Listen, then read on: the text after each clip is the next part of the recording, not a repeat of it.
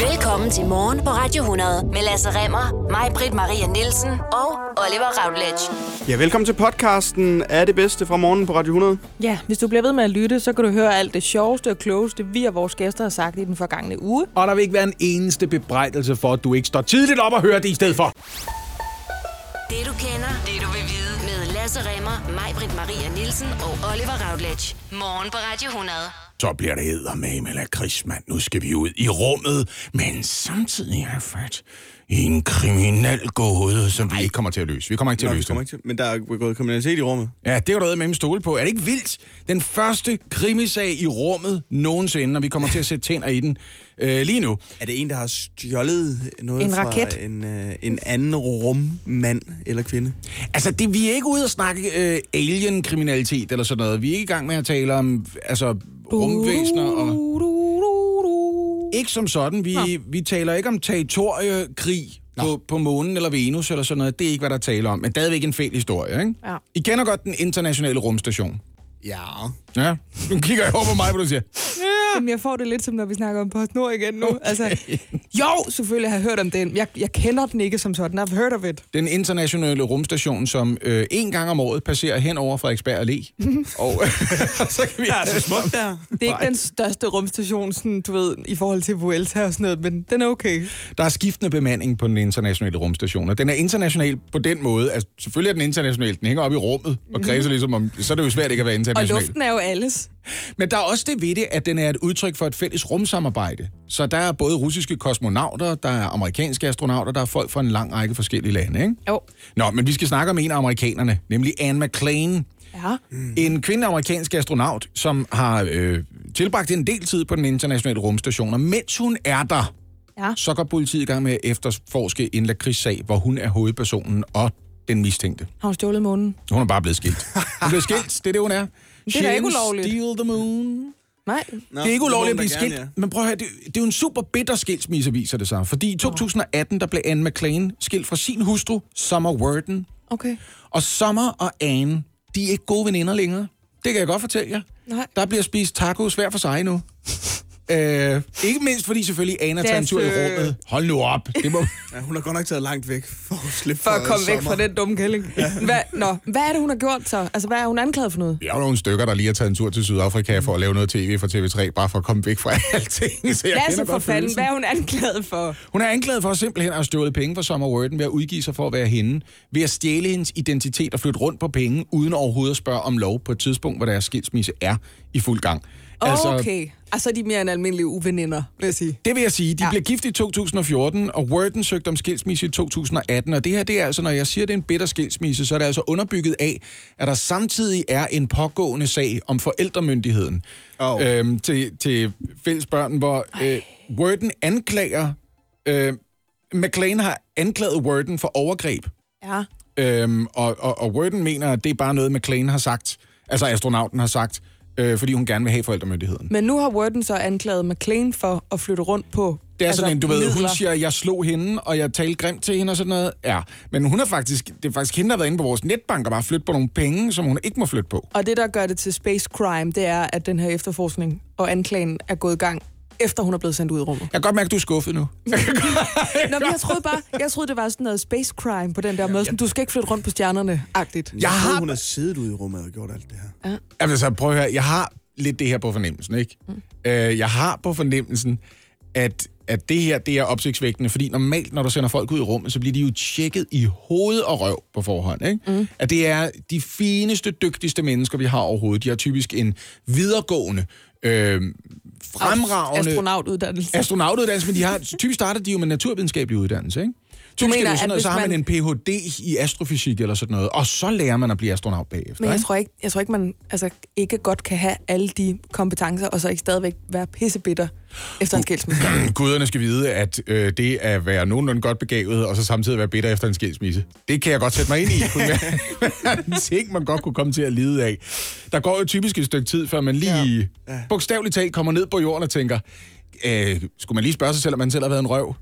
Ja, okay. det, det har du Så Anne nok. McLean, der er astronaut, og altså anklaget for at have skaffet sig adgang til sin nu ekshusrus bankkonto uden tilladelse, hun skal lige spørge sig selv, er jeg må en røv. Ja, og ved du hvad, det kan du lige så godt gøre, mens du alligevel er lidt langt væk hjemmefra og sidder et sted og spiser frossen mad mm-hmm. øh, i en rumstation. Ikke? Det er en måde at gøre det på i hvert fald. Vi skal tale om de her øh, plastikposer for pokker. Mm. Fordi man ved godt, at øh, nogle gange, når man har været nede og handle, så tænker man, åh oh, nej, nu glemte jeg det der flettede øh, indkøbsnet, jeg har fået af min søde mor om bag bilen. Eller... Jeg synes også, det har kostet 28,95. Der er en grund til, at vi købte det. ja, præcis, ikke? Ja. Øh, og det er pænt, jeg kan godt lide at gå med det. Det er rarere for mine hænder at gå med muleposen, mm. end det er at gå med plastikposen. Og det har det der flotte batiktryk på siden, hvor der står, jeg er et bedre menneske end dig. Ja, præcis. Ja. Det her der er ikke en blå valg, der bliver kvalt i. Nej. Din lede klimanar. Ja, du havde jo tunfisk. Det vi prøver at sige, det er, at Mette Frederiksen, hun har foreslået, om ikke vi skulle tage og forbyde de gratis plastikposer. Det er faktisk en del af regeringens kommende finanslov. Det vil sige, det er altså ikke plastikposer per se, det er de gratis plastikposer, dem man bare får med i en butik.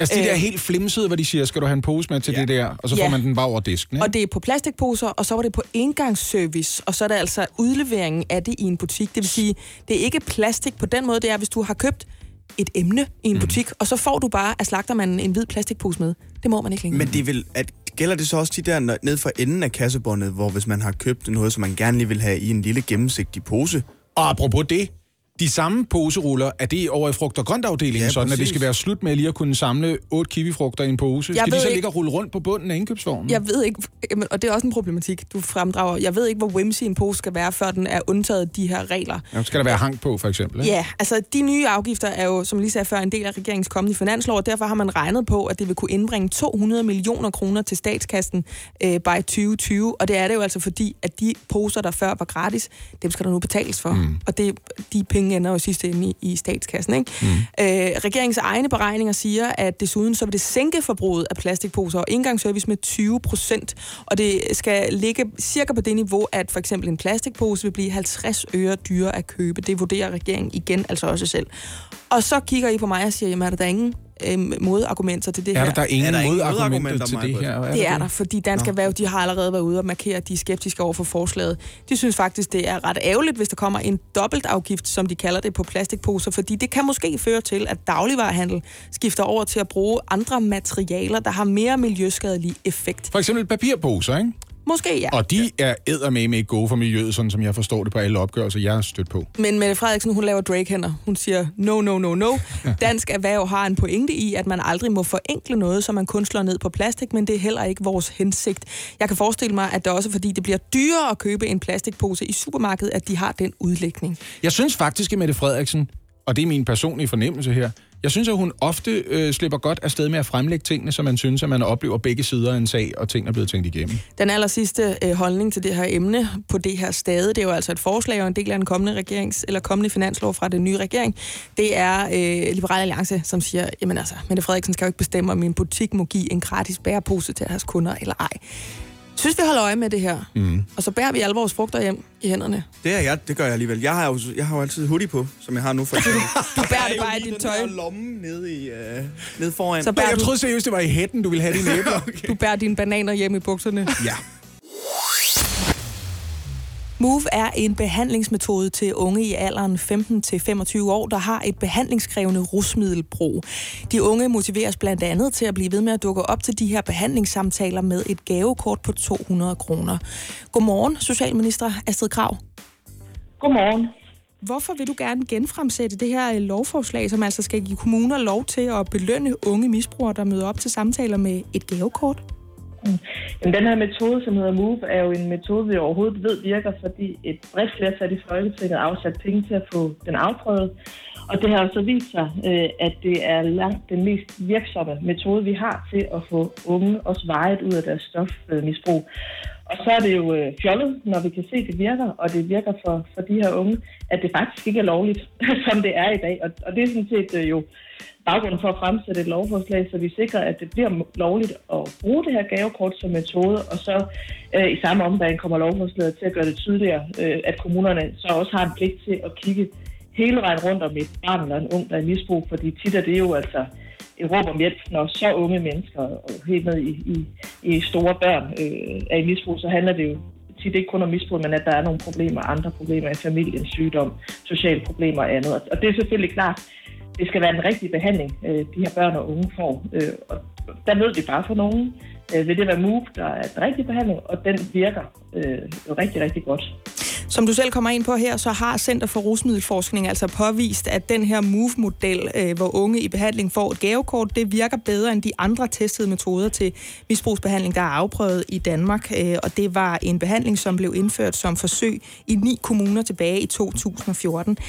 Er der ikke et eller andet sådan grundlæggende irriterende ved, eller sådan, kan, kan det give lidt i dig som socialminister, at vi skal belønne unge mennesker, som andre måske mener bare skulle øh, tage sig sammen, eller skulle have en gang skæld ud? Nej, nej, faktisk øh, slet ikke. Altså, som jeg også sagde, så må man sige, når, når, øh, når vi er der, at børn og, og helt unge kommer ud i misbrug, så er det jo øh, øh, meget, meget tit øh, et, et råb om hjælp i forhold til, at der er noget andet, øh, der ikke fungerer i deres liv. Øh, og, øh, og derfor synes jeg jo bare, det er fantastisk, at man har fået testet det her og, og kan se, at det altså virker øh, meget bedre. Og gavekortet er jo en, en væsentlig del af det. Det er selvfølgelig også andre ting, som er ridset op, at, at man får sms'er, og man bliver fuldt helt tæt, øh, kognitiv adfærdsterapi, men, men det, at gavekortet øh, er en del af det, når vi kan se, at det løfter effekten så meget, at, at det er jo hver anden, som er, er stoffri efter ni måneder, når man måler igen, efter 21 måneder, og de også har lavere kriminalitet, og de har højere uddannelsesaktivitet, så, så synes jeg bare øh, ikke, at der er nogen som helst grund til at kaste ud i alle mulige principielle diskussioner om, om gavekortet. Og jeg vil også sige, at jeg kan forstå på de terapeuter, der arbejder med det,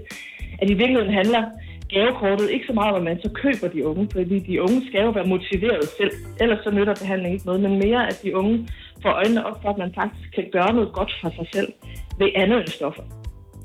Nu er det jo så heldigt, at der er et bredt politisk flertal for at fortsætte den her aftale, for ellers så kunne den ene eller den anden fløj måske stå med et forklaringsproblem over for de altså, hvor fornuften på den ene side siger, jeg kan godt se, det virker, selvfølgelig skal man gøre det, og på den anden side står følelserne og siger, hvorfor skal man belønne folk for at gøre noget godt for sig selv, på samme måde, så man kan blive lidt refleksfarvet over, øh, måske lave straffe i nogen sammenhæng, bare fordi kriminologer påstår at, og kan påvise, at, at det altså ikke hjælper nogen at komme i fængsel.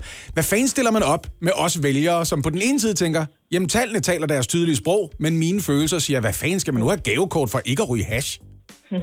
ja, det var faktisk et, et rigtig fint ord, du havde der med at være refleksfarvet, fordi jeg er da med på, at, at det kan lyde sådan lidt, øh, lidt afvendt, men, men jeg tror for mig, det er vigtigt at sige, at det her er jo ikke øh, en behandlingsmetode, der vil være rigtig for alle børn og unge. Altså, det er derfor, det er så vigtigt, og det får vi så også klargjort med loven her, at kommunerne skal ind og kigge hele vejen rundt om den unge, øh, om barnet, og se, er, der i nogle tilfælde vil det jo ikke være det her, der skal i gang. I nogle tilfælde vil der være så store problemer i hjemmet, at vi skal ud i en anbringelsesag. I nogle tilfælde er der måske en, øh, en sygdom, som ikke er blevet opdaget. Der, der kan være alt muligt andet, og derfor er det her jo ikke sådan en øh, one size fits all. Nu skal vi bare tage udstede gavekort i en lille strøm. Men i de tilfælde, hvor det vil være en, øh, et godt forløb for den unge, øh, med, med hele den store pakke, hvor gavekortet kun er en del af det, uh, så, så har vi jo, tror jeg også som samfund, hvor man siger en interesse i at få gjort noget ved det her, fordi, fordi mange af de her unge, som som ikke kommer ud af stofmisbrug, de ender jo i, i de triste statistikker, vi har set de sidste mange år, hvor vi får stadig flere unge hjemløse. Og er man først så meget på kanten af vores samfund, så er der meget lang vej tilbage øh, for den enkelte. Socialminister Astrid Krav, tak fordi du var med her til morgen. Tak for det. Selv tak. Og apropos Outervet, Olli, så spurgte jeg jo faktisk vores socialminister øh, om noget, som jeg opfatter, hun måske synes var nærmest lidt småprovokerende. Det lød i hvert fald sådan her. Astrid Krav, kan du forstå, hvis der er nogen vælgere, der synes, det her minder en lille smule om sådan noget øh, dummebøde-logik, hvor man betaler penge for ikke på et senere tidspunkt at skulle betale et større beløb? Kan du forstå, hvis der er nogle vælgere og nogle borgere, som altså også øh, lægger penge i statskassen, som har det rigtig svært med sådan et forslag her, også selvom de er i stand til at begribe, at det virker? Ja, altså, der, der tror jeg i hvert fald, det helt afgørende at holde fast i, at det er jo ikke ud fra den logik, at forslaget er blevet testet, øh, og, øh, og at, at vi nu vil have det bredt ud. Øh, det er jo ud fra en... Øh, et ønske om at hjælpe øh, unge, som er, øh, er kommet, og børn og unge, som er kommet ud i stofmisbrug alt for tidligt, hjælpe dem ud af det, så de kan komme tilbage til det liv, som, som bør være det liv, børn og unge har, hvor man går i skole og har venner, og hvad ved jeg, går til fodbold og, og, og til fester i weekenden og har kærester, og ikke er ude i et stofmisbrug med alt, hvad der følger af kriminalitet for at skaffe penge til, øh, til det næste fix og frafald på uddannelse. Altså det er jo det er en faglige øh, indgang til, hvordan hjælper vi de her meget udsatte børn og unge bedre der er afsættet. Det er ikke en øh, kassemesterlogik, hvor der er nogen, der har sat sig ned og lavet et stort regnestykke og så sagt, at hvis vi bruger 200 kroner på et gavekort, øh, så, øh, så, så svarer det. Så det kan du sige, det er jo en heldig sidegevinst, at, at det også øh, jo er et eksempel på, at en tidlig indsats, hvor man gør det rigtige, øh, at det også svarer sig, som man vil sige at i Jylland, altså det økonomiske mening, men det er ikke der, vi startede. Det er ikke det, der er, er hele baggrunden for, at man testede den her metode af. Det er jo for at finde ud af, hvordan kan vi hjælpe de her børn og unge noget bedre. Du er lidt... Jamen, og det tænkte jeg nemlig ja. godt. Jeg kunne godt høre det lidt på hende. Øh, men altså, hvad tænker du om den her behandlingsform MOVE, som den jo hedder, som blandt andet, altså jeg lige ved at sige, aflønner Ja, man bliver belønnet for at møde op, ikke? Det er gavekort, som man Ja. ja. kan bruge, og det er selvsagt ikke et gavekort øh, til Skjoldburne. Det er et gavekort til en lokal forretning i ens nærområde, mm. hvor man altså ikke kan købe vin og tobak for det. Men er det i orden, er det? Hvad synes du? Jeg kan sagtens forstå, at det her virker. Ja. Altså, jeg kan sagtens forstå, at folk møder op, fordi man sådan nærmest bliver belønnet. Og jeg kan sagtens forstå, at man gerne kan, og også vil folk med et hashmisbrug. Øh, altså hjælpe folk, ikke? Mm. Men mit hoved og min fornuft, og, og måske også min retfærdighedssand har svært ved at forstå, hvorfor i alverden man skal belønnes for det. Jamen, det, er det, jeg forstår godt, det virker, men Ja. jeg hader, at det virker. Ja, om, jeg, lige sådan, jeg præcis, har min, jeg, mine følelser gør ikke, kan jeg godt mærke. Ja. Altså, min fornuft forstår det, men mine følelser gør ikke Men rigtigt. det er også derfor, jeg, altså, jeg brugte det der lidt provokerende udtryk, en dumme bøde. Ja. Altså sådan lidt, hvis jeg giver dig øh, 5.000 hver måned, vil du så love mig, at du ikke smadrer min butiksfacade, ikke? Jo, præcis. Hvis jeg giver dig et gavekort på 200 kroner, vil du så love mig, at du ikke koster statskassen øh, og velfærdsstaten en helvedes masse penge, hvis du virkelig bliver misbruger, ikke? Men for forhåbentlig, nu er det jo også et tilbud, der henvender sig til unge folk, ikke?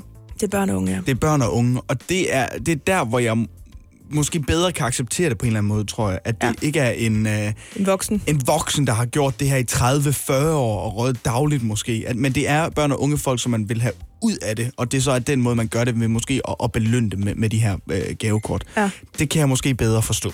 Ja, men det er igen, altså jeg, jeg kan sagtens forstå, det virker, men det provokerer bare lidt min retsfølelse. Også fordi, eller min retfærdighedssans i virkeligheden Ja. er det, ikke? Og det er jo fordi, er det sådan en gateway til, altså hvad skal vi så også belønne andre ting, som folk burde være i stand til at afholde sig fra? Ja. Og hvis de ikke kan det, altså jeg kan godt forstå, hvis der er nogen, der tænker, ej, de skal klippe deres hår og få sig et arbejde. Men hvis man, især hvis man er sådan en liberal type, som jeg jo er for eksempel, Ja. ikke? Det, kunne man, det er der jo mange, der er, når det kommer til at få penge op af lommen Jamen, det er rigtigt. så er det billigere. Altså, det, det er påvist, og det virker. Jeg synes, det er en interessant drejning øh, og en interessant udvikling i behandlingsformer, det her. Ja. Og jeg vil gerne følge med i, hvordan det sådan fremtid kommer til at være, fordi jeg tror muligvis, at man kan lide det eller ej, at der er en fremtid i det her. Gavekort på 1000 kroner. Måske. Hjælp en, du holder af med at tage det første skridt til bedre hørelse. Få et gratis og uforpligtende hørebesøg af Audionovas mobile hørecenter. Så klarer vi det hele ved første besøg, tryk dig nemt i eget hjem. Bestil et gratis hørebesøg på audionova.dk eller ring 70 60 66 66. Noget andet, der også er sandt, øh, men også helt utroligt, det er, at en historisk demokratisk tillidskrise, jeg taler om politikerne, Olli, det er politikerledet, Ah, the politics. the politics ser ud til at være brudt. Hvad er det for en demokratisk tillidskrise, du dog hensyder til? Efter næsten 20 års fald i vælgernes tillid, det er sådan nogen som os, Olli, yeah. til politikerne, så er udviklingen åbenbart vendt, og for første gang siden 2001 har vælgerne, det er stadig også, i år fået mere tillid til politikerne. Nå. Det skriver i hvert fald mandag morgen, og det gør de på baggrund af en stor valgundersøgelse, som altså medier har lavet i samarbejde med en af landets førende valgforskere. Det er ham, der hedder Jørgen Kuhl Andersen, og han er professor ved Aalborg Universitet. Så vi stoler simpelthen mere på politikerne nu, for første gang i 20 Vi er, år. vi er så trygge ved dem, og vi har, vi har tillid til dem. Nå. Øhm, så derfor Okay. har vi selvfølgelig lavet et tillidsspørgeskema, Olli. Ja, vi har. Det har vi nemlig. Og jeg starter. Ja, okay. Nummer et. Hvem vil du helst have til at arrangere din makeover? Det er jo, hvor man får, du ved, et masse nyt tøj og en ny frisyre og sådan noget, ikke? Jo. Rasmus Nordqvist fra Alternativet, eller Kenneth Christensen Bern fra Dansk Folkeparti. Åh, oh, det er træls. Altså, du kan vælge imellem øh, limegrønne skjorter eller limegrønne skjorter. ja. Uh, uh, Kan du bære en meget kraftig, kraftig brille? Kan du det? jamen, det er jo lidt det, jeg skal have ind i mit hoved, fordi jeg hælder til Rasmus Nordqvist. Ja. Og det gør jeg, fordi jeg tror bare, at sådan en, uh, en fra Alternativet har bare måske en lille bitte, bitte smule mere fingeren på pulsen angående mod end Kenneth Christensen Berns. Ja, Jeg tror ikke, Nordqvist vil tage det lille øh, slips på til den til den limegrønne, limegrønne skjort. hvor Kenneth Christensen Bernt vil sige, oh yes, Det er my hans dear." uniform. Så jeg vælger Rasmus Nordqvist. Rasmus Nordqvist fra Alternativet. Alternativet. Godt. Jeg har en til dig. Ja. Hvem vil du helst have til at overtage din SoMe, dine sociale medier? Ja. Vil du helst have Pia Kærsgaard? Eller den der Lars Lykke, der tweeter efter midnat? Rødvins Lars Lykke. Ja. Øhm, jeg tror faktisk, jeg vil tage øh, Pia Musen. Du tager Pia? Jeg synes faktisk, hun laver noget original content. Ja, hun laver i hvert fald... Ja, det er meget originalt. Det, Det ja. synes jeg faktisk, hun gør, og jeg synes også, hun er flittig til at bruge den, og jeg har et indtryk af, at hun faktisk selv har, det ved man godt, hvis man har en sød mormor, der lige er kommet på Facebook, så nogle gange så bliver der skrevet noget, der skulle have været en privat besked inde på væggen Ja, eller det sådan er noget. rigtigt. Det er fandme ikke piger. Altså, hun kan godt finde ud af at være der på det rigtige tidspunkt, og hun har forstand på algoritmer, og hun ved, hvornår det skal være video, og hvornår det skal være billeder og sådan noget. Ja, Så jeg vælger- Pia. Jeg vælger Pia K. til at overtage mine uh, SoMe-kanaler. Ja, smukt. Okay, så har jeg en til dig, Olli. Mm-hmm. Hvem vil du helst have til at arrangere din polterappen? Uffe Elbæk eller Morten Messerschmidt? Og jeg kan lige klarificere. Det, du kan vælge imellem, det er altså dick pic collager og fællesdans, eller en tur på bakkens hvile, stiv i fransk Kamerun. Ja. Jeg tager, jeg tager Morten Messersmith her. Jeg skal altså ikke, have, altså, jeg skal ikke se en polterappen, hvor jeg kan se alle mine kammerater tissemænd stå på en eller anden collage. Jeg kan ikke udelukke, at I også øh, skal spise østers. Det er så Formentlig. fint. Jeg, kan, jeg, kan, jeg, jeg tager en tur på bakken og drikker mig fuld i Amarone og ser Dot øh, fremføre et eller andet øh, skuespil. Godt, jeg noterer øh, Messerschmidt. Hvem vil du helst have til at arrangere din næste ferie? Er det Mogens Jensen, som altså dropper nogle øh, EU-møder for at tage på ferie i Frankrig? Eller er det Alternativets Karolina Magdalene Meyer, som øh, måske flyver jorden rundt to gange på et år, fordi hun elsker at dykke? Som jeg vil sidde og drikke pissedyr rødvin ved et fransk chatox, eller Mhm. om jeg vil dykke i Eller på alverdens koralrever sammen med Karolina Magdalene Meyer. Åh, oh, jeg tror, jeg er en øh, Mogens Jensen-pige. Du, jamen, du slår mig også mere som Jeg en godt lide, ja, Mogens-pige. ja. Jeg er en kulturel pige, ja. øh, en frisk korthårspige. ja. Ej, jeg vælger Mogens Jensen. Han skal Jamen- arrangere min næste ferie. ja, det synes jeg er en, er en meget god en. Okay, Olli. Hvem vil du helst have til at indrette dit hjem? Og her der kan du altså vælge imellem Nico Grønfeldt Ja, eller kan jeg. Anders Samuelsen. Ja, det kan jeg også. Vi snakker strikpølser og refleksionsdivaen versus glasbord. Masser, Masser af glasbord. Hvad vælger du? Ej, det er godt nok et lortevalg. Du kan enten få det indrettet som øh, pædagoger, der har været alene hjemme ja. med en pose strik, eller som en øh, jubi-narkoman fra 70'erne. jeg, jeg tager Jubi Narkoman fra Du tager glasbords helvede. Jeg tager glas på selv. Okay. Jamen, det var slut på vores tillidsspørgeskema, Ja. ja. og det sker jo altså i anledning af, at vi danskere åbenbart efter 20 års fald i vælgernes tillid til politikerne, øh, er begyndt at have kæmpe tillid til dem. Ja. Hvem vil du helst låne din bil ud til af alle politikere? Oh. Okay, du kan vælge mellem Inger Støjberg eller Christian Jensen. Christian Jensen. Ja, han kører også øh, mega sikkert, Men det tror er, jeg. fordi jeg opfatter ham også lidt som sådan en bankrådgiver-typen. er Jeg han. tror, han kører helt sikkert Det tror jeg også. Nu sætter jeg mig simpelthen over på en helt anden go-kart og tager en anden tur igennem den danske bytrafik og lægger mærke til det her, for det skal vi snakke om nu. Mm. Hvordan ryger har en tilbøjelighed til lige at smide cigaretskrødet fra sig, som om det bare forsvinder det øjeblik, det rammer asfalten? Det kan jeg slet ikke genkende. Nej, det kan du ikke. Jeg er jo frelst ikke ryger nu. Ja, Ja, så jeg kan slet ikke huske noget fra de 16 år, hvor jeg røg dagligt. det er som om cigaretten er attraktiv, indtil man har røget den i bund, og så står man tilbage med et filter, og så ryger det lige ned under en skosål, og så bliver det efterladt der. Her er problemet med det. Mm. Det er ikke godt for miljøet. Nej. Og det er øh, dyrt at få samlet op, for eksempel for kommunale medarbejdere, hvis man synes, det skal være fællesskabets opgave at betale for det. Yes. For eksempel så koster det Københavns Kommune, fandt man ud af tilbage i 2008, 2 kroner hver eneste gang, at cigaretskod skal samles op fra gaden. To En kommunal- kroner? To kroner for hver cigaretskod. Altså for den bukkebevægelse, en medarbejder skal lave, eller med den der pind der. Jeg tror meget, det er den der tang, de samler dem op Ja, ja, ja. ja. med, eller sådan noget. Jeg ved ikke, om det ville være nemmere at feje det sammen med en maskine eller sådan noget. Mm. Jeg skal ikke kunne forklare, Nej. hvad der måske kunne være en bedre løsning. Men den måde, man samler det sammen på, koster altså stort set det samme, som den nye smøg koster, før den bliver røget. Nå, vildt. Det er en ret vild pris. Ja. Hvad kan man gøre ved det? Se, der har Alternativet et forslag, for deres miljøordfører har været ude og sætte ord på det. Susanne Simmer mener, kunne vi ikke bare lave en pantløsning på samme måde, som vi gør med flasker? Ja. Kunne det være sådan, at en pakke smøger koster 10 kroner mere, 50 øre per smøg, Og så får man de 50 øre tilbage, når man afleverer skodderne. Så kan man køre rundt med nogle IKEA-poser fyldt med cigaretskodder bag sin bil, indtil man gider aflevere dem, fordi man har holdt stor fest og glemmer hele tiden at køre forbi brosen og aflevere dem. Jamen, hvis du er en lille smule fattig, så bliv venner med nogle øh, kæderygere. og så sats lige på, at det er der, der Så kan man tømme sit askebær øh, ned foran en, øh, en sød mand, der sælger hus forbi.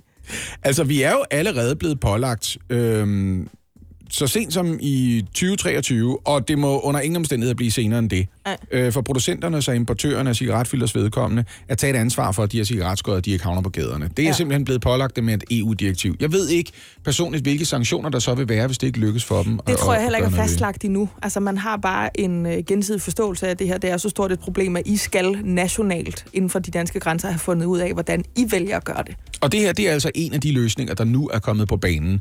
Og det er jo noget, som ikke bare er godt, fordi det er æstetisk ubehageligt at kigge på ting, hvis man for eksempel spørger øh, SF's miljøordfører Karl Valentin, som kalder det her forslag sympatisk, men han er lidt i tvivl om, hvordan det skal føres ud i livet. Ja. Og der siger øh, miljøordføreren for Alternativet, Susanne Simmer, altså, det ved jeg heller ikke. Nej. Så så langt er vi ikke kommet endnu Nej. med det her forslag. Men der er flere, som synes, der er gode grunde til det. Ikke mindst dansk, øh, det hedder ikke dansk, Danmarks Naturfredningsforening, Ja, det kunne man da forestille sig. som selvfølgelig hæfter sig ved, at cigaretskodderne, altså de kan ligge i naturen i op til fem år, før de er blevet nedbrudt. Ja. Og nedbrydelsesprocessen er ikke problemfri. Nej, det er ikke som at smide et stykke fuldstændig renset papir, der ikke er blevet brugt noget blegemiddel på, eller noget som helst, som bare naturligt optages af regnormene. Hvad sker der?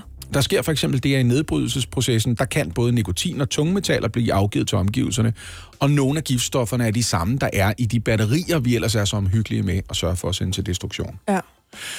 Så det er et af de forslag, der er på banen indtil videre til, hvordan man løser det her inden for de næste fire år, hvor det er altså primært er importørerne og producenterne, der har ansvaret, snarere end rygerne, hvilket jo er lidt mærkeligt. Ja, men sådan er det jo tit. Altså, at der er nogen, der tager ansvar, og så er der dem, der ikke gør. Og de man kunne også sige, du er ved, det er jo producenterne og importørerne, der tjener pengene på det i sidste ende. Så. Also true. Ja. Men det er jo egentlig meget pudsigt, fordi det var jo ikke altså, senere end i går, vi sidder og talte om øh, alternativet. Uffe Elbæk, han havde talt med information, der var intet, han ville have gjort anderledes. I den forbindelse, der fik vi også nævnt, at han øh, så frem til at skulle stille det, han kaldte radikale forslag inden for den næste periode øh, i Folketinget. Og så går der 12 timer, så kommer der det første. Cigaretter skal ind under en pantordning. Det bliver lidt spændende at se, hvad det er for et maskineri. Altså, hvordan man skal opsamle de her ting. Der findes jo i forvejen de der festaskebærer, som folk går rundt med. Det er sådan en lille gummikonvolut, man kan gå med i jakkelommen, ikke? Men det må jeg slet ikke hørt om. Det er rigtigt. Det er sådan en, hvis du forestiller dig nærmest ligesom en lille make spejl eller sådan noget, så er det bare sådan noget blød plast, og så er det foret med et eller andet, som man selvfølgelig kan putte et varmt skod ned i. Og det er da sådan lidt funky at gå rundt med det i brystlommen. Men det er altså bedre end bare at tyre et cigaretskod. Det ved vi også godt alle sammen. Jeg kan jo godt huske, hvordan det var at være ryger. Hvis jeg engang imellem bare, du ved, flikkede det ud i luften. Jeg, jeg vil så sige, jeg slukkede det altid. Særligt altså på en varm dag, der slukkede jeg altid cigaretten. Men man ved godt, man er lidt en bandit, når man smider det der cigaretskod. Man skal Vi- helst lige holde fast i det, til man når hen til en skraldespand, ikke? Vi kan jo godt finde ud af at ændre vaner. Det har vi jo set på en lang række andre områder. Ja. Det kan godt lade, øh, lade sig gøre og, og, og blive en lille smule bedre til den slags på Enig. længere sigt. Mm. I Danmark, der startede det vel nok med Robinson-ekspeditionen tilbage i 1998, altså reality-tv. Siden da er det kun blevet mere og mere moderne. Vi ved ikke, hvad vores underbo hedder, men vi ved, hvad 15-20-årige hedder, fordi de boller og drikker i Mexico, og vi ved, hvem der stadig er kærester, efter de blev gift ved første blik. Vi følger med i alt fra vægttab til skilsmisser, og vi diskuterer lystigt fremmede menneskers liv. Er det ikke rigtigt, Lasse? Og det æder med med vildt. Og jeg gør det også. Det vil jeg gerne indrømme. Jamen, jeg er også med i det. Jeg taler ikke om de andre, jeg taler om mig selv lige nu. Jeg er ikke som en flue til lort. Jeg er mere som en vips til sukker, synes jeg. Jamen, det er jo netop det, vi skal tale om, for mm. der er jo en vis øh, øh, grad af skam i det her med reality-tv, og vi skal altså lige prøve at finde ud af, hvorfor. Godmorgen, Ditte Campion. Godmorgen. Du er kan med i psykologi, og så er du gymnasielærer i mediefaglig stof, og derunder blandt andet reality-tv. Hvorfor elsker vi reality-tv så meget, som vi gør herhjemme, tror du?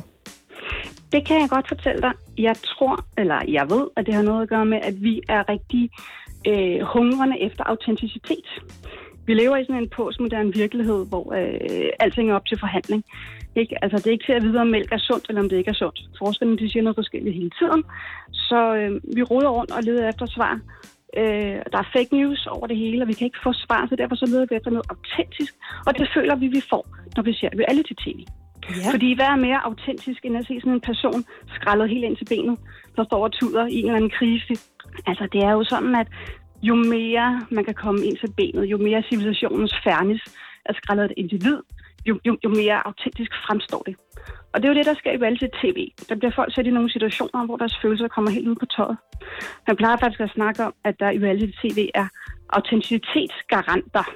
Ja. Det vil sige nogle elementer, der borger for, at det her det er autentisk. Og det er, der er fire autenticitetsgaranter. Det er intimiteten, det er affekt, det er katastrofe, og det er kameraet. Og hvis de fire autenticitetsgaranter er til stede, så vil vi som seer føle det mere autentisk end den virkelighed, vi selv går rundt i. Og så... det er jo altid til stede. Der er altid et katastrofisk element, ikke? Der er altid noget med, du ved, mister de deres penge? Er der mad nok til blære? Ja, bliver de nu sat ud af hus, huset? Ja. Præcis. Ikke? Og så er der effekt, fordi når de så ikke får det der hus, så tuder de. Hvis de får det der hus, så jubler de. Ikke? Så der er følelser. Øhm, og hvis vi tager som Paradise for eksempel, der er jo intimitet. Ikke? Det må der er sige. sex ud over det hele. Ja. Så jo mere der er af de der fire garanter, jo mere autentisk oplever vi det, vi ser. Så det Så er vi altså... får simpelthen tilfredsstillet den, den, øh, den hunger for autenticitet, som vi i det postmoderne samfund har svært ved at få. Så det er altså løgn, når vi kalder det reality. Det er ikke virkeligheden. Det er en form for forstærket virkelighed, hvor det er de øjeblikke, hvor der står mest på spil, vi får lov til at kigge på hinanden. Det kan, det kan man sige, men man kan, også, man kan også diskutere, om ikke det er virkeligt. Fordi hvis vi alle sammen måler vores egen virkelighed op på den her idealiserede virkelighed, så bliver den faktisk hyper, hyperreel. Og så vil man måske sige, jamen den er måske mere virkelig end vores. Det kan jo også være rigtig svært at vurdere, om medievirkeligheden, eller den oprindelige, den fysiske, vi står i lige nu her, hvor vi taler, altså om hvilken en, der er mest sand. Vi ved det fra sociale medier. Ikke? Altså hvis ikke det er på film, hvis ikke der er taget et billede af det, så er det ikke sket. Så it Så måske happen. er den virkelig, lige præcis, så måske er den virkelighed. Det er hvert fald jeg, ikke mindre virkelig end vores. jeg har gået rundt med sådan en idé om, at grunden til, at jeg godt kunne lide at se reality-tv, og jeg er dygtig til at vælge de programmer, hvor der er nogle mennesker, der ikke øh, for egen vilje kan finde ud af at tabe sig, eller opdrage deres børn, eller spare op til pension, eller hvad det nu måtte være. Altså fællesmængden her er, at det er noget, folk ikke kan finde ud af. Så havde jeg sådan en idé om, at det er fordi, så føler jeg selv, at jeg klarer den sgu da meget godt. Er det rigtigt så? Altså er det fordi, jeg gerne vil føle, at jeg der er meget godt kørende i forhold til andre øh, mennesker? Ja, altså det kan man også sige. Ikke? Så kan man hive sådan et evolutionspsykologisk vinkel ind og sige, at vi spejler os i andre mennesker. Øh, og det handler om, at man vinder den stærkeste overlever. Og hvis du kan se, at dine medkonkurrenter, for eksempel hvis du ser på en masse kvinder i den reality show, der ikke kan finde ud af noget som helst, det er de medkonkurrenter. Øh, ja, Det er de konkurrenter i forhold til, at, hvad ved jeg, flå en mage ned fra hylden. Og hvis de klarer sig dårligt, så er der mere til dig. Det, er sådan, det er sådan lidt primitivt. Ja. Det kan man godt sige, men, men jeg ved, altså, det er jo også en meget pessimistisk måde at se på, på, på reality på, ikke? At det er for at få selv til at få det bedre. Ja, fordi det er jo det, der vi lige nåede at berøre før, at det er ligesom om, man vil hellere blære sig med, at man har set en politisk dokumentar, eller man har set et debatprogram, mm. eller noget om øh, polerne, der smelter. Der er Altså- ikke så mange, der siger, at man har binge-watchet reality-tv. ja, ingen af os siger nogensinde, øh, kæresten og jeg var lige på McDonald's i går, man vil hellere snakke om den gode restaurant, man besøgte. Ikke? Ja. Hvorfor tror du Ja. egentlig, vi skammer os så meget over det, hvis det er, er bunden naturligt? Ja, men jeg tror, at... øh, altså, jeg tror i virkeligheden, at denne her øh, menneskelige moral og etik, den, den plincher lidt med de behov, vi har. Altså, vi har en... Vi, det går også helt tilbage fra sådan en kristen øh, tankegang om, at man skal, altså, man skal være god mod den næste, ikke? Og man skal ikke, man skal ikke føre sig frem.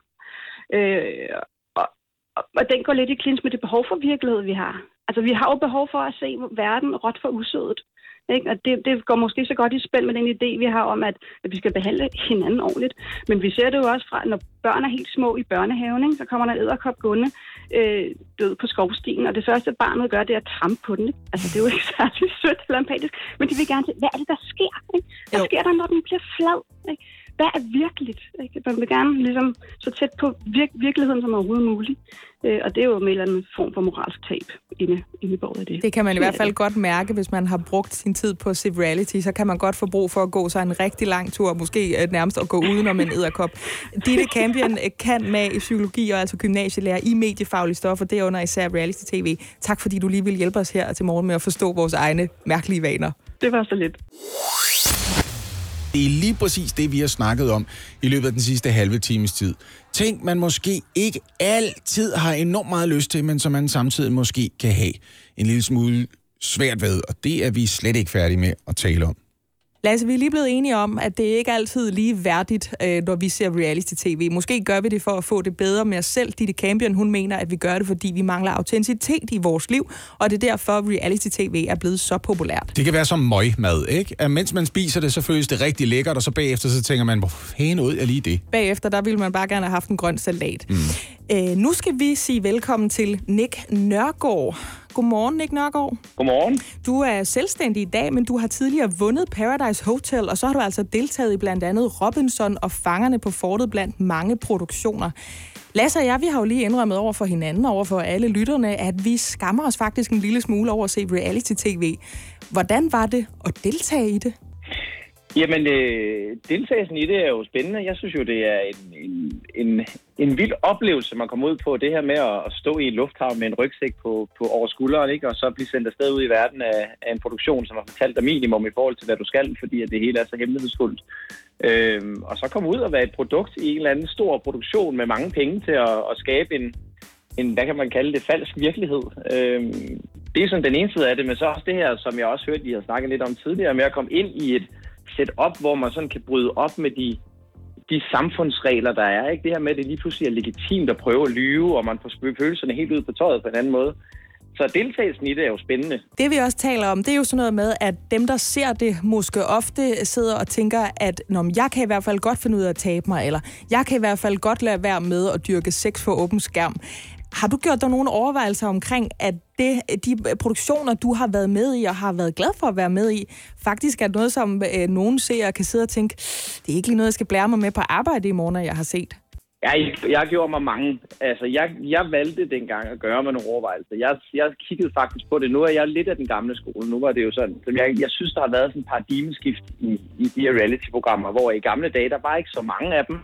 Og der var det faktisk, kan jeg huske, da jeg var med, det var faktisk cool at være med i det, og man kom hjem, og folk de hyldede sådan, det har været reality-deltager.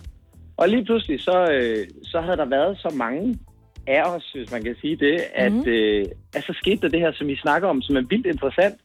Så var det bare sådan, ej, der er sgu mange, og man var ved at være lidt mættet af det her, så var det bare ikke helt så cool længere. Øh, men jeg tænkte meget over, inden jeg var med, at, at jeg skulle ikke have sex, og jeg skulle ikke... Dengang var det meget bare det, jeg grædede man så ned på, ikke? Hvorfor sidder mm. folk og græder på tv? Hvad, hvad er det, der er galt med dem? ja, nu er det blevet noget af det fineste, man kan få lov til. Ja, det er jo det, der er så sjovt. Ikke? Nu, er det jo ikke, nu er det jo ikke det her grad, der er det slemme længere. Nu er det jo, når de har trekanter og firkanter, og jeg ved ikke, fællesnæv og hvad de ellers laver. Mm. Øh, Nick Nørgaard, nu sagde du lige paradigmeskifte. Det er ikke noget, jeg ville forvente at høre fra en reality-deltager i 2019. I hvert fald ikke i et program som Paradise Hotel. Og måske er det mig, der er fordomsfuld der. Det indrømmer jeg ærligt. Jeg skulle nok fordomsfuld lige der. Men, men havde du en oplevelse, for eksempel allerførste gang, du medvirkede af, at det her, det er øh, nogle producenter, der skrupelløst siger, at vi fanger nogle lækre unge mennesker i et bur og ser, om de parer sig? Øh, nej, det havde jeg faktisk ikke. Jeg synes, og det, jeg har fået det spørgsmål så mange gange igennem tiden. Jeg har det sådan lidt, at altså, selvfølgelig hører man, at de laver om, og de udstiller folk på, på, eller på måder, de ikke skal være udstillet på. Og, men jeg synes lidt, jeg hører det fra dem, som faktisk skærer sig allermest ud. Fordi hvis de har haft sex på tv, så har de jo haft sex på tv. Mm. Så kan man jo ikke komme hjem og sige, er det også forfærdeligt, I viste det alle fem gange. Kunne have nøjes det én gang. Nej, men ja. forstå mig ret. Jeg ja, ja. synes lidt, man gør, man gør producenten til den her store stykke uld, hvor man så siger, jeg tager bare ned, så skærer jeg ud, og så kommer jeg hjem og forventer, at jeg har et plet ry, og jeg har ikke gjort noget, der var over grænsen. Ja, vi havde lige en trekant med to drenge og en pige, men hvad er der da galt i det?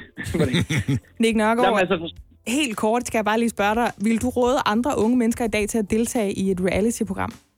Nej, det vil jeg ikke i dag. Hvorfor? Det, jeg synes, øh, fordi at øh, man er jo også nødt til at kigge på, hvordan folk ser på det. Og jeg kan bare huske i anden gang, jeg tror det var, jeg var med i Paradise, der, der var bare sket et eller andet. Øh, der havde folk en negativ holdning til det. Og øh, ja, så var der måske lige en smutter, hvor jeg gjorde det igen. Øh, jeg skulle selvfølgelig lige overbevise om, at det var også en dårlig holdning, der var kommet. Men mm. stod mig ret. Øh, I dag ved du, at du tager ned til noget, hvor du får, bliver dømt rigtig hårdt på forhånd, og det skal man altså være indstillet på. Det er nogle tanker, man skal gøre sig. Nick Nørgaard, selvstændig i dag, men altså tidligere vinder af Paradise Hotel. Tak fordi du var med her til morgen. Selv tak. Hjælp en, du holder af med at tage det første skridt til bedre hørelse. Få et gratis og uforpligtende hørebesøg af Audionovas mobile hørecenter. Så klarer vi det hele ved første besøg, tryk dig nemt i eget hjem. Bestil et gratis hørebesøg på audionova.dk eller ring 70 60 66 66. Kernefamilie, regnbuefamilie eller selvvalgt familie. Uanset hvilken familie I er, gør ASE arbejdslivet lidt lettere. Få én fagforening for hele familien til kun 99 kroner om måneden.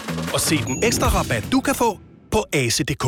Blackstone, der er en amerikansk kapitalfond, har fået tilladelse af Københavns borgerrepræsentation til at ombygge de i alt 13 atelierer på 5. sal i tagetagen på Holkens Hus, en karé, der ligger inde i København. Og det er til stor irritation for vores nuværende boligminister Kåre Dybvad Bæk. Han ønsker sig nemlig en blandet by. I særdeleshed er også beboerne, der er rigtig irriteret over den her udvikling, for de mener faktisk, at det ødelægger deres mulighed for at blive boende i et historisk, kulturelt øh, palæ, kan man vel næsten sige. Derfor synes jeg, vi skal spørge vores teknik- og miljø, miljøordfører undskyld, i Københavns borgerrepræsentation, Niels Bjerrum, om han simpelthen mangler nogle værktøjer i sin redskabskasse, når det kommer til bevaring af en bygning som Holkenhus og tilsikre den der diversitet, der er i, i øh, lejesammensætningen. Godmorgen til dig, Niels Bjerrum. Godmorgen, godmorgen. Hvorfor, øh, hvorfor har I stemt ja tak til den her øh, renovation, hvis I dybest set er imod? Ej, Jeg synes nok, vi har heller ikke stemt ja tak. Vi har stemt ja, fordi at vi har gjort det med ryggen mod muren. Vi har simpelthen ikke inden for rammerne af, af det, en kommune må, øh, hvis den skal overholde øh, lovgivningen, så har vi ikke mulighed for at gøre andet end at, end at stemme ja. Øh, der er simpelthen ikke i vores værktøjskasse en mulighed for at sige nej til at give øh, en ejer af en bygning, i det her tilfælde Blackstone, det kunne være hvilken som helst øh, anden e- ejer, men vi har sådan ikke mulighed for at sige nej til at give dem den, øh, øh det, de har lovgivningsmæssigt krav på i den her sammenhæng. Hvis du kunne få det, som du gerne vil have det, og som resten af dine øh, politiske meningsfælder kunne have det, er det så en blandet by, eller er det fortsat en bygning, hvor øh, de mennesker, som lever et ret anderledes øh, liv end dine kernevælgere, de kan leve til en billig husleje med højt til loftet? Det med huslejen og, og hvor meget det koster og sådan noget, det vil jeg lade være op til, øh, til, til udlejere i den her sammenhæng. Og det er sikkert en ganske udmærket husleje, de har, dem der har de italier der, fordi den har været, øh, har været sat der for mange år siden. Men, men ja, jeg kunne godt tænke mig, at vi som kommune havde mulighed for i de her sammenhænge at gå ind og regulere mere, hvad det er, nogle områder skal bruges til, og bevare nogle af de historiske bygninger og deres øh, måde at blive brugt på i byen. Og det har vi reelt ikke i dag. Så der, jeg hilser dig enormt meget velkommen, at øh, vores nye boligminister Kåre har tænkt sig at kigge på det. Det synes jeg er fremragende. Kan man ikke forestille sig, at der også ville være nogle ulemper ved det? Fordi man kan jo ikke snævre det helt ned til karréplanen. Så ender I jo med bare at blive anklaget for korruption, når folk de søger om byggetilladelser. Og hvis I gør det for et større område, så ender det med at gå ud over nogle andre bygninger, end dem man gerne ville ramme, og gøre det på en eller anden form for lokal, lokalplansfasong. Hvordan forestiller du dig, at man skulle gøre det, så det virkede? Det er jeg ikke i tvivl om, men der kan være masser af dilemmaer i det her. Men, men til det første, du øh, nævner, så er det selvfølgelig sådan, så at øh, det gælder alle de beslutninger, vi træffer som, øh, som lokalpolitikere eller som landspolitikere i Folketinget. At man skal selvfølgelig ikke være inhabil. Altså, man, man skal jo ikke gøre noget, som man har en egen interesse i og, og, og, og få landet på et eller andet tidspunkt, eller på en eller anden måde. Man skal gøre det, fordi man har en politisk holdning til, hvad det er for en måde, vores by skal udvikle sig på, og hvad det er, der er kvalitet i en by som København.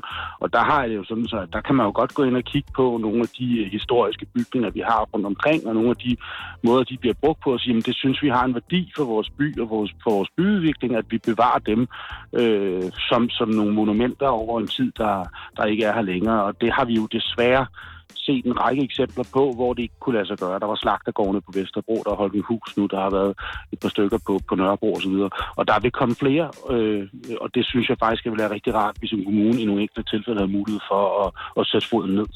Som socialdemokratisk øh, teknik- og miljø, øh, miljø undskyld, ordfører i København, hvad gør så egentlig mest ondt på dig? Gør det, at den her blandede øh, by, som vores boligminister beskriver, altså at, at folk med forskellige indkomster og forskellige sociale lag, alle sammen kan bo inde i byen, eller gør det mere ondt på dig, at der sker en form for æstetisk, øh, kulturel øh, vold imod en bygning som øh, Holkenhus? Ej, det vil begge dele, men hvis jeg skal vælge, så, så, så er det det første. Ikke? Altså, det er, jeg synes, det er det er helt afgørende, at vi beholder en, øh, muligheden for at have en blandet by i København. Og den blandede by er jo ikke kun et udtryk for, at øh, man, man bevarer et atelier, hvor at nogle kunstnere har mulighed for at, at male, som man har gjort i mange år. Det er jo et spørgsmål om, at sygeplejersken og politibetjenten og folkeskolelæreren og andre sosuer osv., som er lavt lønnet, at de har mulighed for at have adgang til at by, bo i en lejlighed i byen, som ikke nødvendigvis koster, det ved spidsen af en jetjager, ikke? Og der er det jo, vi har en række redskaber i dag, vi bruger meget aktivt. Det handler om at kræve op til 25 procent øh, almindelige boliger, når vi udvikler byen ude i Nordhavn, i Sydhavnen, hvor vi ellers gør det. Men der er mange andre redskaber, vi mangler, og det, det hilser jeg meget velkommen, hvis øh, Kåre vil kigge på det som boligminister. Teknik- og miljøordfører i Københavns borgerrepræsentation, Niels Bjerrum. Tak fordi du var med her til morgen. Velbekomme. Har I glædet jer til fræk middel eller time? Ja. Jeg har øh, været lidt øh, spændt på, hvad det kan indeholde. Mm. Prøv lige, at- prøv lige at trykke på den der knap, Lasse. Har du Så været vi- på- Lige har du se, om været vi på har fundet noget pilebænken? musik, Er det der det, du er, der, er, der er luttet nok. Vi er meget spændte på det her. Spændte Prøv at på høre, det. Er, det her, er vi om over i det- noget middelaldermusik her? Det er ikke særlig luttet. Det der, det er perfekt. Sådan der. Så er Det- der middelalder, det er ikke? præcis. Det lyder lidt skotsk. Jeg synes, det er helt fint. Jeg synes, det er helt fint. Synes det skal handle frækt. om sex. Øh, for 600 år siden. en fræk historietimer. Øh, fordi øh, præster i streng celibat og en befolkning digerne af angst for skærsilden. Sådan er der jo mange, der har forestillet sig middelalderens Europa. Det har vi da i hvert fald. Mm, der er en grund til, man kalder det den mørke middelalder, jo. Men et knald i kirken og frække fortællinger hører det hverdagen til, hvis man trænger ind i en middelalderlig sammenhæng. Åh, oh, hvad? Som jeg har valgt. Ja, Et knald i kirken? Hvad fanden? det er sindssygt nok. Øh, og der kan jeg jo så lige skynde mig øh, at klemme ind her. Ja. Klemme op, kunne man også kalde det. Middelalderen er jo perioden øh, i Europas historie, der går fra 400-tallet frem til og med 1400-tallet. Øh, og det var faktisk sådan her. Mm. Og nu kommer jeg virkelig til at blow some minds. Befolkningen, de boede jo tæt, øh, og de her private soveværelser, de fandtes næsten kun i de adelige boliger. Det vil sige, man sov sammen hele familien, og dem var der jo en del af ret hurtigt, fordi prævention og sådan noget, det kendte vi ikke så meget til. Øh, så forældre havde svært ved at finde et godt og uforstyrret sted til elskov. Nå. Nu siger forældre, som om det kun er folk, der har børn i forvejen eller har etableret en familie. Mennesker, der gerne ville dyrke sex med hinanden, havde ikke som sådan et rum, som vi andre tager for givet i dag, man kunne knalde i. Hvad gjorde man så? Derfor var der ret mange af dem, der tydede til kirken, som jo stod tom det meste af dagen. Og så går man lige hen og prikker nogen ved siden af en og siger, hvad, skal du ud og parkere landsnød i Jeg ved ikke, om det sådan eller? har været restepladsagtigt, eller om det har været, at man har selv har medbragt okay. en sexpartner med derover. Så kan man tage ind i den tomme kirke og blive fyldt. Så Men kunne man lige Fyldt op af knæle, Guds mens, ord. knæle, mens nogen siger, det, det, er, det er mit leme, faktisk. Det, er ikke, det har ikke noget med vælgerplads at gøre. Det, er, det, det, det er Jesu Kristi Diller. Øh, den amerikanske middelalderekspert Ruth Marso Karas, hun mener faktisk, at kirken var så meget som datidens svar på bilens bagsæde. Altså det her med, at man kører hen til et, ja. et make-out point, Mm, og så altså, altså, det- slukker man bilens lygter, og så lige pludselig siger det... "Eh, Dogging. jeg Hvad hedder det? Dogging. Nej, det er ikke... Hvad? Nej, dogging, det er det der, hvor man kører ud på en resteplads, og så, har- så har man ligesom sagt, I møder bare op, hvis I har lyst til sex. Jeg aner ikke, hvem I er. Jeg har ikke lyst til at vide det, Men selv kom. når jeg kører. Kom alle sammen. Ikke? Men er det ikke også i bil? Nå, jamen det er ikke... Jo, jo, jo, jo, det er sådan noget, det er ude af et bilvindue. Jeg ved ikke. Har jeg hørt? Har jeg hørt? Alt det her, ikke? Ja, Okay. okay. Jeg kan også sige, at øh, selvom man tror, at øh, det mest var mænd, der havde en, kan man sige, en acceptabel, i hvert fald sådan, når det kommer til den kønsklassiske fortælling, libido, altså sexlyst, så er der ret meget, der tyder på, at kvinderne var de mest eksplicite, når det kom til at være kåd. Siger Øh, du, at kællingerne var mere liderlige end støderne? Er det det, du siger, Det er, mand? ma- det er det, jeg prøver meget hårdt ikke at sige. Okay, ja. jeg prøver faktisk at formulere det lidt pænere. øhm, og det kom jo så så langt, at kirkens mænd var simpelthen nødt til at formulere nogle retningslinjer for, hvordan er det, vi omgås med hinanden. Og dem lever vi stadig efter i dag. Jamen, dem levede de jo så ikke engang efter dengang, Nå. Men vi lever bestemt ikke efter dem i dag. Øh, kødets lyst var en nedarvet synd, og i de her lovbøger, som de selv fandt på selvfølgelig, så forklarede man alt det, som menigheden ikke måtte. Altså selv samme menighed, som kunne møde op i kirken og knalde, fordi ungerne lå og sov derhjemme. Ikke? Mm. Øh, sex må hverken bedrives i dagslys eller uden tøj på. Det kan jo blive lidt, lidt svært. Problematisk. Sex må kun dyrkes for at få børn og kun i missionærstilling. Hvis en mand onanerer, skal han afstå fra kød i fire dage. Hvis han er en dreng og ofte gør det, skal han faste i 20 dage. Nej, men jeg fortsætter lige, Lasse. 100 kroner på, at inden for det næste år fremsætter en eller anden for Alternativet det forslag. 100 kroner på det. Den, som bedriver utugt med en kvindagtig mand, med andre mænd eller med et dyr, skal faste i 10 år. Det er jo en rimelig altså, sindssyg sammenligning. Og så kommer der så en her, som er... Den er lidt strid. Der ja. vil jeg så sige, hvis man, har, hvis man har unger i bilen, der først skal møde til andet modul, så skruer du lige ned nu. Mm. Og nu har vi sagt det, så nu kan du ikke blive sur. Den, som udgyder sin sæd i munden, har begået den værste synd. Nogle er blevet dømt til at angre resten af livet for det her. Altså simpelthen evig plage. Der er no way back. Det er jo det, vi kalder et blowjob med en happy ending formentlig. Ja, men der er så en ret unhappy ending det, der, vi vil jeg sige. Det er det, vi kalder det. Er det det, vi kalder Det det? ved jeg ikke, det, hvad plejer I at kalde det? Du må godt onanere, men så er der fire kødfri dage. Ah, men der er nogen, der kommer til at sige, for klimaets skyld, Ja, jo. for klimaet. klimaet. Ja, hvis du klimakser det forkerte sted, så kan du ryge i helvede med dig, kan du. Hold nu freaking kæft, Jeg mand. synes bare, det var meget sjovt at finde ud af, at de faktisk var så liderlige middelalder, at de var nødt til at lave regler for, hvor man måtte knalde Jeg henne. regner med, det passer meget godt. I øvrigt kan jeg lige tilføje, at uh, toiletpapir blev opfundet cirka 150 år efter middelalderen sluttede. Ej, en fest, de har haft, mand. Er du sindssyg? Ikke en lækker fest, men en fest har de haft. Boris Johnson har med dronningens godkendelse suspenderet det britiske parlament i fem uger med virkning fra den 9. september og frem. Og så siger vi godmorgen til politisk kommentator Lone Tejls. Godmorgen, Lone Tejls. Godmorgen til jer. Hvordan filen kan han det? Jamen, det kan han jo sådan set, øh, fordi at det er helt normalt, at parlamentet skal have ferie på et tidspunkt. Og der ligger en øh, masse partikonferencer ude i fremtiden. Så, så det er sådan set øh, fint nok. Problemet er bare lige timing. Og timing betyder nemlig, at det britiske parlament nærmest ikke har tid til rigtigt at diskutere øh, Brexit, inden at vi kommer frem til den her deadline, der venter her den 31. oktober. Og det er selvfølgelig derfor, at folk er rasende over det. Han er simpelthen øh, på en eller anden måde formindsket parlamentets mulighed for at øh, muligvis øh, stoppe, at Storbritannien ryger ud af EU uden en aftale. Så det er egentlig ikke så øh, ualmindeligt, at man suspenderer parlamentet i en periode. Hvad med længden? Altså fem uger? Plejer det ikke maks at være en uges tid, Lone Tejls? Altså man kan sige, det er jo, det er jo helt normalt, at øh, parlamenter, øh, og det gør vi jo også i Folketinget, holder sommerferie på et eller andet tidspunkt, og så kommer man tilbage og siger, okay, nu starter vi på en ny parlamentarisk sæson, og det her er, hvad regeringen gerne vil i de næste år. Men lige nu er situationen simpelthen den, at Storbritannien står over for den mest vigtige beslutning, man kan forestille sig, at landet skal træffe siden 2. verdenskrig. Skal man ud af EU uden en aftale? Skal man blive? Øh, skal man prøve at få en aftale forhandlet på plads?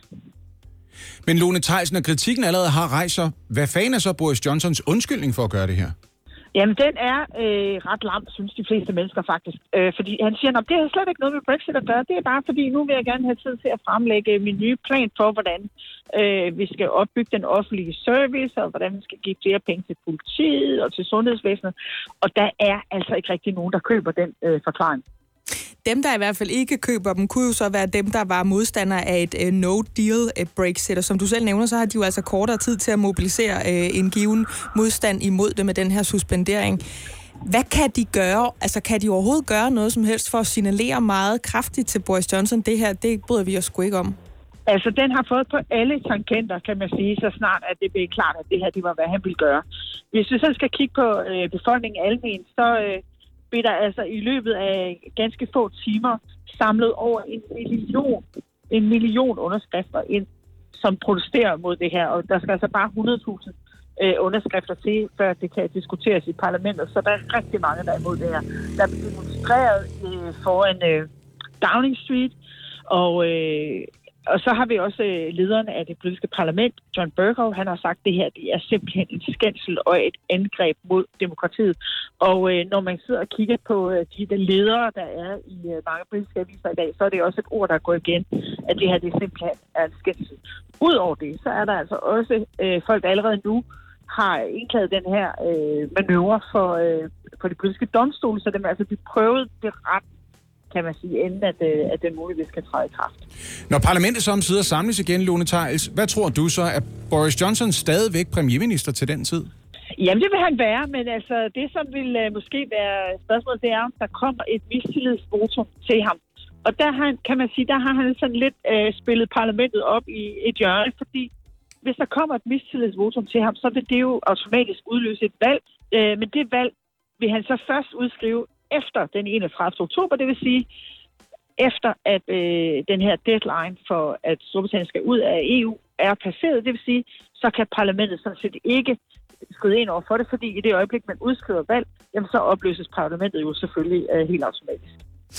Lone Tejls, øh, politisk kommentator, tak fordi du ville give dit besøg med her til morgen, og så skal jeg beklage, at vi havde en håbe af knallert øh, fører uden for vinduet lige nu, men tak fordi du var med alligevel. Velkommen. Jeg skifter lige spor nu, Okay. fordi vi skal snakke øh, om noget fuldstændig andet. Vi skal faktisk bevæge os ind på, øh, om det er lovligt eller ulovligt at importere og eje en sexdukke i barnestørrelse. Åh, åh. Det er altså lidt noget kedeligt noget, det her. Men det spørgsmål, det er den norske højesteret i gang med at forholde sig til. Herhjemme, der er øh, den slags dukker, for eksempel af silikone, altså tilladt, selvom der er flere partier, som er klar til at indføre et decideret forbud. Og det var altså i går, at den norske højesteret behandlede en sag, der skal afgøre, om det er ulovligt at importere, og derefter eje selvfølgelig, sexdukker formet som et mindreårigt barn. Mm. Og det sker efter, at en mand har netop importeret en 1 meter høj sexdukke fra Japan. Efterfølgende så blev han så i by- og landsretten dømt 60 dages betinget fængsel samt en tillægsbøde på 10.000 kroner for at bryde den norske straffelovs forbud mod seksualiserede fremstillinger af børn. Mm. Altså ikke noget, vi har en pendant til herhjemme. Så jeg kunne egentlig godt tænke mig, at vi havde sådan lidt en... Hvad fanden mener vi om det her? Altså, hvis det var noget, der virkelig for alvor blev debatteret i Danmark, så ville man ret hurtigt, tror jeg, kunne stable et flertal på benene i Danmark. Fordi Ja. jeg ved, at Dansk Folkepartis Peter Skårup har været ude og sige, det synes vi bare skal være forbudt i Danmark også. Ja. Men bemærk- bemærkelsesværdigt nok, så er det jo sådan en klassisk to forskellige fløje af Socialdemokraterne, hvor den ene hedder DF, og den anden hedder S. For S er med på den der ting. Jeppe Brugs er retsordfører for Socialdemokratiet, og han har jo givet udtryk for, det vil han meget gerne være med til. Og her er begrundelsen, og det er der, jeg tror, vi godt lige kan få en snak i gang. Ja. For Jeppe Brug siger, i min verden kan jeg ikke forstå, hvorfor de overhovedet bliver produceret. Det er ikke argument for lovgivning, synes jeg personligt. Nej. Det er ikke nok Nej, at sige, nej. jeg fatter det ikke. Jeg fatter heller ikke folk, de bowler. Altså, Lige derfor præcis. skal det ikke forbydes. Skal sgu da ikke lukke et bowlingcenter, fordi du ikke forstår det. Og jeg er godt klar over, at vi taler om noget væsentligt alvorligere i udkanten af det her. Jo, men argumentationen holder stadigvæk. Ja, det er det. Ja. ja. Jeg mener ikke, at dukkerne er noget, vi skal have ind over grænsen. Det er stadig ikke et argument for at lovgive. Og så endelig, vi skal bekæmpe pædofili med alle midler. Det tror jeg, vi kan blive enige om. Måske ikke alle midler, men med alle meningsfulde midler, som gør, at pædofili ikke er noget, der kommer til at skade nogen mennesker. Jamen, det er jo sådan nærmest tautologisk udsagn. Altså, det kan man ikke modsige det der. Det er det. Som jeg ser det, så er der to ting her. Der er henholdsvis, om man er ved at oprette indirekte et tankepoliti, eller om vi stadigvæk har det, der hedder tankefrihed. Fordi mm. vi kan sagtens blive enige om, du skal ikke skade børn. Du skal ikke nærme dig børn. Hvis du har den udfordring op i bøtten på dig selv, at du ikke kan lade være med at seksualisere børn, så skal vi beklage det for dig. Det er meget, meget ærgerligt, at du har den sygelige afvielse op i hovedet. Men vi kan ikke bestemme, hvad der sker op i hovedet på dig. Det er det der med tankefriheden. Mm. Så så længe du ikke skader et barn, det her vil jo så være modargumentet, er det så ikke bedre, at du knaller en dukke? Ja. Hvis du har den der præference, som vi synes er ulækker. Altså, jeg er med på den tanke, at måske får du mere lyst til at gøre skade på et uskyldigt barn, hvis vi giver dig mulighed for at, at dyrke sex med en dukke, der ligner et barn. Den er jeg med på, men så skal du lige sørge for, at du ved, at det er sådan ting, hænger sammen. Og det ikke for eksempel hænger omvendt sammen, sådan Ja. som du lige sagde. For hvis det hænger omvendt sammen, så gør du mere skade end gavn med det her. Og kun fordi du tænker, "Næh, det er lidt ulækkert. Og du kan jo ikke styre folks seksualitet og tanker, så længe det ikke går ud over andre i øvrigt. Du kan ikke sige til for eksempel en pædofil kvinde, prøv lige at høre, jeg skal bede dig om at købe en agurk i normal størrelse, ikke en skoleagurk. Ja. Det skal jeg lige bede dig om, fordi jeg bryder mig ikke om, at du øh, øh, øh, forestiller dig noget andet, mens øh, du tilfredsstiller dig selv. Og det er vel i virkeligheden det, det handler om, synes jeg. Jeg kan måske sige det på en anden måde. Vi kan alle sammen godt fnise en lille smule til et polterappen, for eksempel, hvis der er en eller anden, der kommer anstigende med et oppusligt får og siger, er det noget for dig, Kenneth, det der, mand? Ja. Uden at der er nogen, der stopper op og tænker, nej, nej, nej, nej, de der får må ikke eksistere, for det betyder jo, at så er der flere rigtige får, der bliver knaldet. Det er der ingen af os, der forestiller os. Men det er jo også derfor, altså man er ligesom nødt til at strege op, hvad er det, vi synes, der er galt med pædofili? Det er jo ikke, at det er ulækkert. Det er der mange ting, der er. Det mm. er, at det er meget ubehageligt, det er meget skadeligt, det er farligt for børn, mennesker får deres liv ødelagt, hvis voksne forgriber sig på dem. Det er det, der er vejen med det går pædofili. ud over nogen. Ja. Det er det, det handler om. Og hvis det ikke gør det, hvis det går ud over en dukke, eh, måske ikke helt det samme. Men. Der er en snak der. Jeg synes, vi følger med, hvis det lige pludselig er noget, vi skal forholde os til i Danmark. Og det kunne være, at vi kommer til det på et tidspunkt. Lasse, har du ikke fundet noget af det der Der middelaldermusik, er med en stole på. Du skal få så meget, du kan tåle. Fedt. Som man siger? Det swing. Fordi i går der afslørede jeg jo, at kirken åbenbart var en form for liderligt bagsæde i middelalderen. Mm. Den stod tom det meste af dagen, så hvorfor da ikke gå derind og knalde? Det var jo ikke sådan, at man smed om sig med pladsen og rummene dengang. Øh, pengene var små, det var slidsomt øh, at være i live, og det var man så kun indtil man var sikkert et par og 40, fordi så har man fået pest og tabt alle ens tænder, og ens børn var også blevet voksne. Så forstår man lige pludselig også, hvorfor de der kirkelige ritualer i århundreder har gået ud på noget med at rejse op, knæle, Sæt sig ned, sæt sig ned, rejs op, knæle. Det er meget sådan liderlig sex, når man lige har lært hinanden at kende, ikke? Jo. Hele tiden Jeg skift stilling, ser og det er bare det, jeg siger. For helvede. Den Ej, er er der 23. senest har været på Tinder. Okay, men vi nåede ikke igennem hele listen over, hvad kirken så faktisk kommunikerede ud for at modvirke den her form for, for skørlevnet. Altså denne her liderlige, liderlige periode, som øh, ligger godt 150 år, mm. inden vi så bliver beriget med toiletpapir alle Mhm. Ja, sammen. ja, ja, ja. Det er Ja. bare en lille øh, detalje, ikke? Ja, ja, ja, men det følger Øh, der med, ja. Jeg fortsætter her.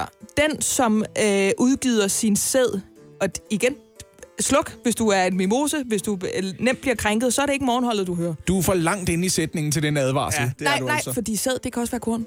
Nå, okay, ja. Men selvfølgelig ikke på min middelalder knaldeliste. Den, som udgiver sin sæd i munden, har begået den værste synd. Nogle er blevet dømt til at angre resten af livet. Så der har man allerede i lovteksten skrevet ind, altså det, du kan fuck hele dit liv op, hvis du gør det her. Jeg kan på stående fod komme i tanke om fem kropsåbninger, jeg vil synes var vildere end munden. Ja. Det, jeg siger det, Det er jo bare. bare dig. Og Ja. hvor ingen af dem kan lave børn. Okay. Yes. Det er mig, Britt. Så jeg synes bare, det er mærkeligt, at man nævner munden. Har Jeg, vi- jeg har vi- fortsætter Har vi bare. noget nyt? Vi kan Søndag måtte ingen dyrke sex, for det var herrens dag. Og man boller ikke på Guds dag. Nej, det gør man ikke. altså ikke. Omkring fasten var sex forbudt i en periode på, og jeg ved ikke, hvor de her tal kommer fra, 47 til 62 dage. Det er fandme lang tid, mand. Men jeg vil så også sige, hvis man er helt afkræftet og ikke har fået noget at drikke og noget at spise, så er det jo heller ikke det at knalde, man tænker først på. Nej. Ved, ved du hvad, jeg tror lidt, de der regler er, hvis jeg må bryde ind her.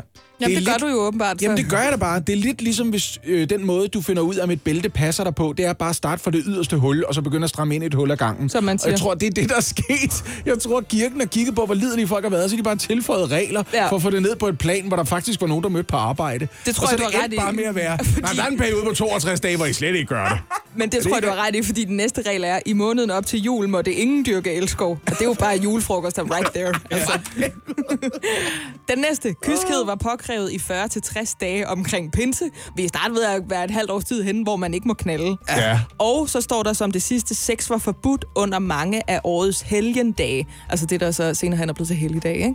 For fanden, mand. Jeg, jeg kan da godt forstå, at folk de har meldt sig ud af folkekirken efterhånden. Jamen, jeg tænker også, altså det virker meget som om, det der, altså byråkrati og regler, jo flere der er, jo mere ignorerer man dem. Fordi så er der sådan et helt altså bestemme tapet af ting, man næsten Mhm. ikke kan forholde sig til. Hvis nu der havde været én regel, der bare hed, du må kun knalde med nogen, der har lyst til at knalde med dig. Ja. Så tror jeg, det havde været nemmere. Det er jo det, hvis Moses bare havde haft den med ned på stenen, ikke? Om man så må sige. Ja. Det er jo bare tavlerne. Stentavlerne, det var det, jeg Stentavlerne. mente, ikke? Morgen på Radio 100 med mig, Britt Maria Nielsen, Lasse Remmer og Oliver Routledge.